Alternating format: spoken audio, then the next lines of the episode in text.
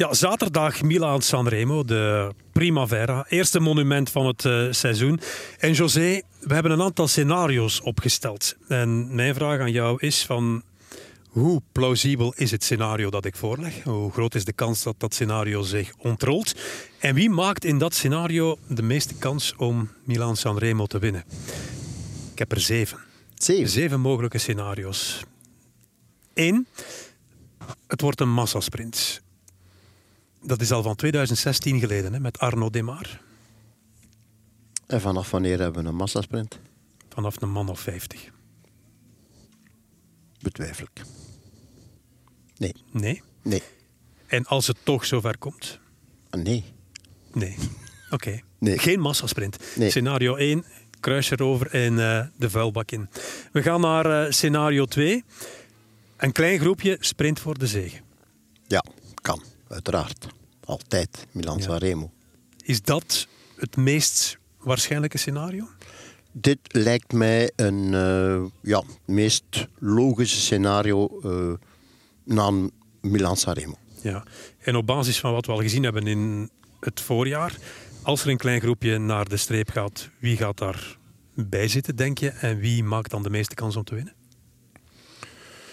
Wie gaat daarbij zitten? Uh, met hoeveel zijn ze? Wat voor koers hebben we gezien? Klein groepje. Dan zou je denken aan Pogacar, Mathieu van der Poel, Wout van Aert.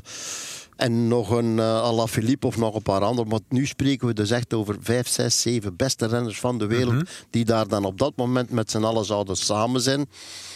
Ooit heeft daar eh, Jasper Stuyven gewonnen met uh, Kra Andersson.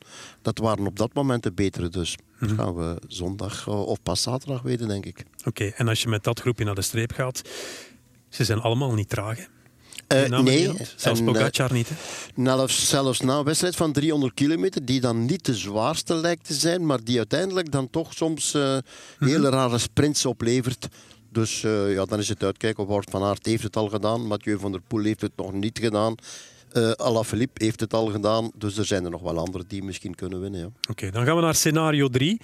Er komt een ultieme jump op de Via Roma en één man soleert naar de overwinning. Uh, op de Via Roma, dus na de Poggio. Mm -hmm. Dat kan... Uh... Dat kan op de Corsa Cavalotti zijn ook. Dus na, laat ons zeggen na de afdaling van de Poggio. Dat kan iedereen zijn.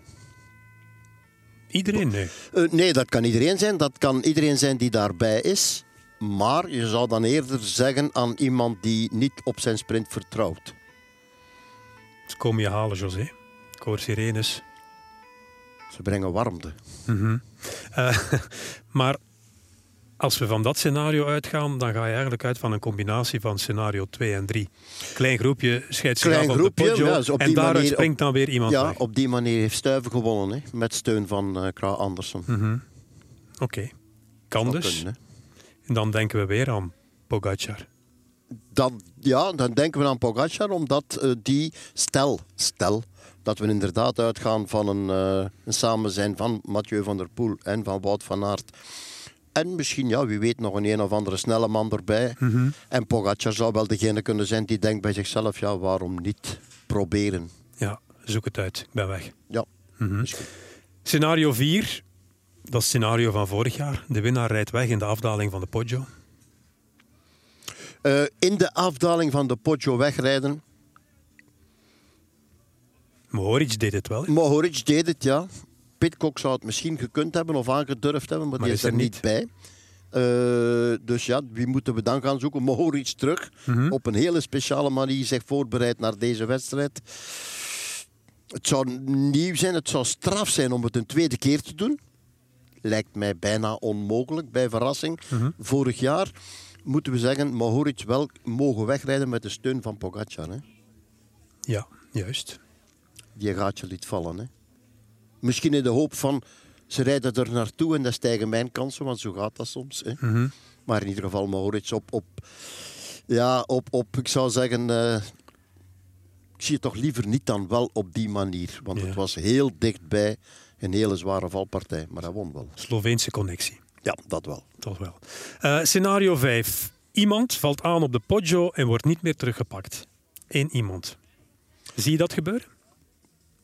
Ik denk dat dat uh, in tegenstelling tot andere jaren is er nu misschien, misschien, heel misschien, want we hebben, de, we hebben het gewicht van uh, Tirreno en het gewicht van Parijs-Nice niet kunnen afwegen ten opzichte van elkaar.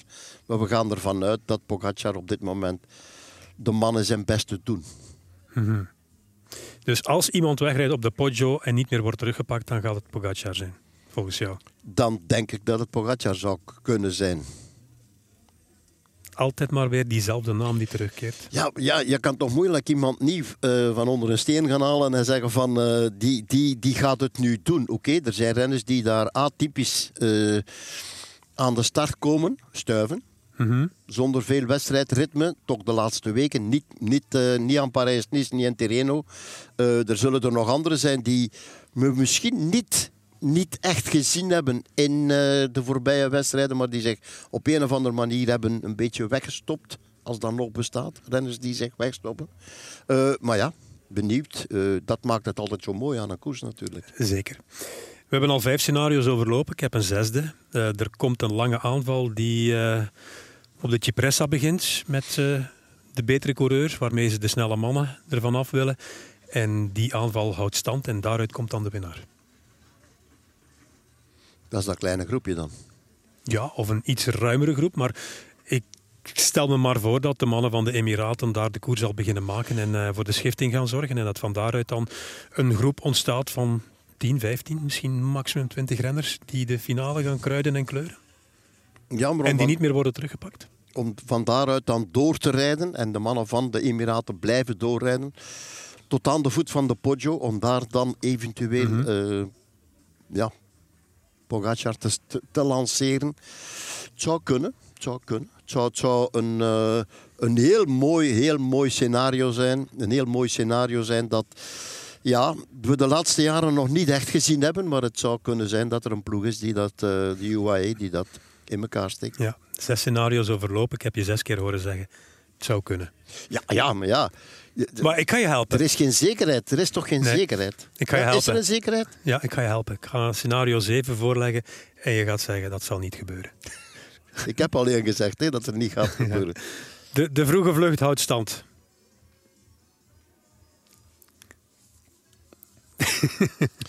Ja, het is... Uh, om, om, om, dan een naam te geven... Zei, de man, de man, een of andere voetbaltrainer van Bever die zei hoe langer je verliest, hoe dichter de kans is dat je gaat winnen.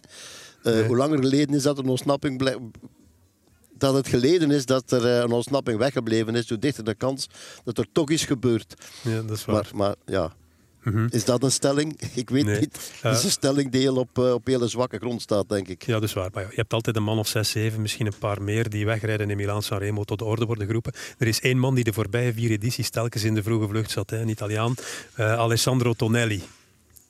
Kan Alessandro Tonelli Milaan Sanremo winnen? Dan ga ik zeggen nee. Oké. Okay. Geen massaspurt en de vroege vlucht houdt ook geen stand. En wat de rest betreft van de scenario's is alles mogelijk. Ja, ik denk het wel. Hè. Ik denk dat we met z'n allen uitkijken. Telkens toch weer opnieuw met heel veel verwachting naar die Milan Sanremo. Dat we heel lang op de honger blijven zitten. En dat we dan toch vaak een hele mooie winnaar zien. Mm Dat is waar. Het eerste monument komt eraan, dames en heren. De scenario's zijn overlopen. U bent niet veel wijzer geworden, maar dat is ook niet de bedoeling. Uh, het mooie aan koers is dat alles heel onvoorspelbaar geworden is. En dat er een hele mooie generatie coureurs de koers aan het maken is. En uh, ja, dezelfde namen komen vaak terug, maar dat zijn dan ook de besten ter wereld. Ja, dat zijn nu toevallig de beste ter wereld. Die uh, zelfs aan deze koers deelnemen. En dat, dat zie je niet zo vaak. Een ronde van Frankrijk winnaar die met ambitie aan de start staat. In een koers als Milan Sanremo. Dat is uh, jaren geleden. Dat is waar. Tweevoudig toerwinnaar Pogacar. Milan Sanremo heeft zelfs dwars door Vlaanderen aan zijn programma toegevoegd. Uh, E3-prijs aan zijn programma toegevoegd.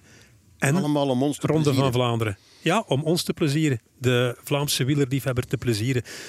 We gaan smullen de komende weken. Helemaal. Oké.